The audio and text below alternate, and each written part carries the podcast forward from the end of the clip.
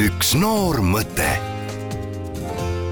täna on kolmapäev ja räägime noore inimesega noortest mõtetest. täna küll natukene haridusteemadel ka, sest on põhjust, on ju praegu haridus väga selline päevakajaline teema ja ei pidanud täna üldse väga kaugele minema. täna on siinsamas teisel pool lauda mikrofoni taga meie sotsiaalmeedia toimetaja Katre Nael. tere, Katre! tere! no igapäevaselt oled sa rohkem nii-öelda kaadri taga, kuigi sa teed väga palju, oled kogu aeg siin meiega koos igapäevaselt, et aga mm -hmm. mikrofoni taga sa oled vist nüüd esimest korda või, või oled varem olnud? no tegelikult ei ole päris esimest korda, sellepärast et äh, gümnaasiumis äh, tegin ma uurimistööks ehk siis praktiliseks tööks oma podcast'i koos oma äh, siis tolleaegse klassikaaslasega ja Poskakast oli selle nimi ja kuna ma käisin Poska gümnaasiumis, siis me tegimegi rohkem sellest koolielust kajastusi, rääkisime õpetajatega, kutsusime erinevaid tänaseks tuntud külalisi külla. et selles mõttes ma olen nagu mikrofoni taga olnud ikka ja see oli selles mõttes väga äge aeg, et ma igatsen seda taga kui palju nendest unistustest või soovidest, plaanidest, mida sa mõtlesid näiteks põhikooli ajal või gümnaasiumi ajal, on läinud päriselt täide ja kui palju on elu mänginud kaarte teisiti? Issver, kõik on täiesti teisiti minu jaoks. ei oleks mitte kunagi arvanud seda, et ma olen hetkel nagu siin, kus ma praegu oma eluga olen, et ma käin ülikoolis, et ma õpin õpetajaks. mul oli üheksanda klassi lõpuraamatu tegime, seal oli mul unistus ettevõtjaks saada, noh, selles mõttes äh, midagi ei ole veel kadunud, et võib-olla see ka veel äh, on ees mul. aga hetkel on kõik hoopis teisiti, nagu ma oleksin arvanud. õpetajaks õppimine, millal tuli siis see mõte? Kui ma tegelesin kunagi tippspordiga sulgpallis, siis äh, ma teadsin päris kindlasti, et äh, treeneriamet on see, mida ma tahaks proovida.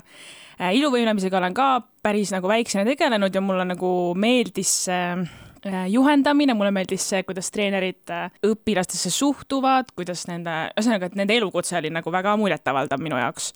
loomulikult põhikooliõpetajad olid mulle suureks eeskujuks ja nüüd gümnaasiumis siis oli viimane tõuge, et direktor ja eesti keele õpetaja olid need viimased inimesed, kes andsid mulle nagu selle tõuke, et see on päriselt see, mida ma tahaks ise ka proovida ja mida ma tahaks teha mis oli see murdepunkt või hetk või mis pani mõtlema või see kuidagi kujunes ikkagi gümnaasiumi aja jooksul? no ta ikkagi pigem kujunes, aga just see, kuidas äh, näiteks ongi gümnaasiumi kirjandusõpetaja pani mu raamatuid lugema.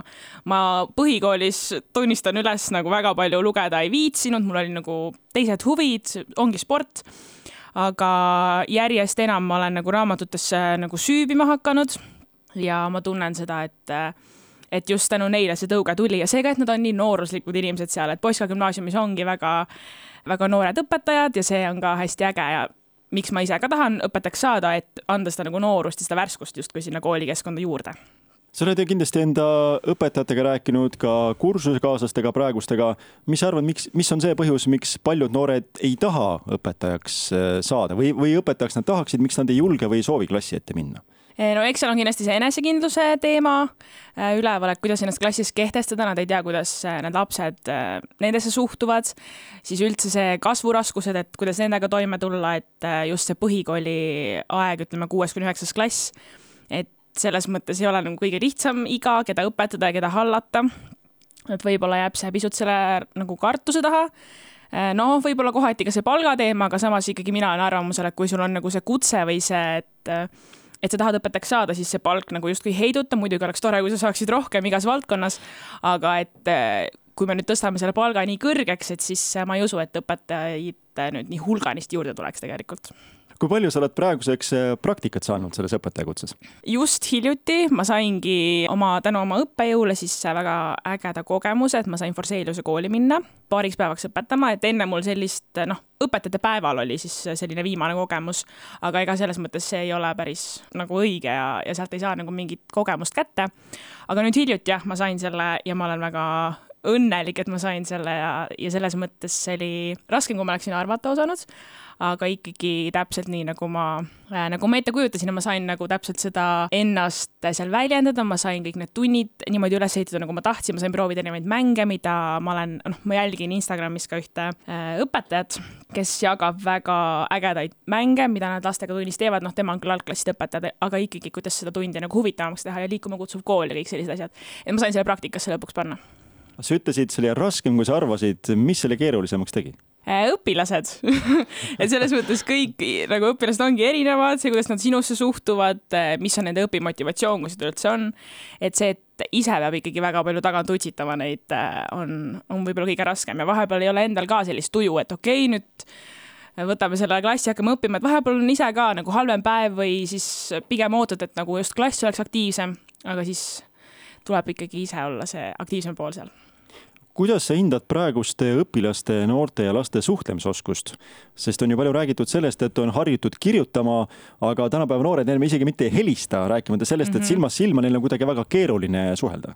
raske öelda selles mõttes, et mul on endal ka täditütar, kes on äh, minust ikkagi kõvasti noorem, aga selles mõttes ta suudab suhelda vajalikkuse piires, ütleme, võõrastega suhtlus on see, mis nende vanustel on ta noh, ütleme kümme, kümneaastastel on see kõige raskem pool Äh, nüüd koolis seal õpetaja olles, siis tegelikult nagu ei märganud, et oleks midagi nii drastilist, et nad ei saa üldse nagu suhtlemisega hakkama.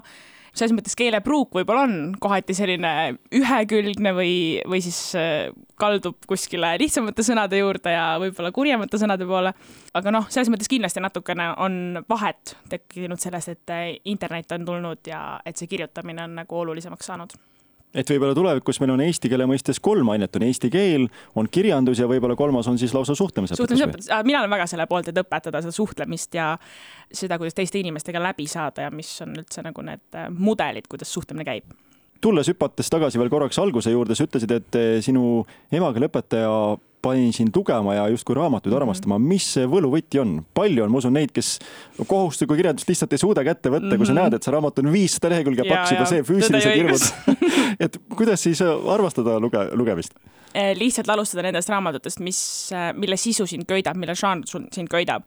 et üle-eelmisel suvel ma võtsin kätte Tiktokis populaarselt soovitatud raamatu, mis oli küll inglise keeles aga lihtsalt see sisu nagu paelus mind ja siis ma hakkasin selles žanris rohkem lugema ja siis hiljem, kui ma nagu lugemisega ära harjusin, siis tulevad mul need eestikeelsed klassikud ka palju lihtsamini nagu kätte, ma olen sellest palju rohkem huvitatud, kõik raamatusoovitused ma korjan nagu palju lihtsamini üles.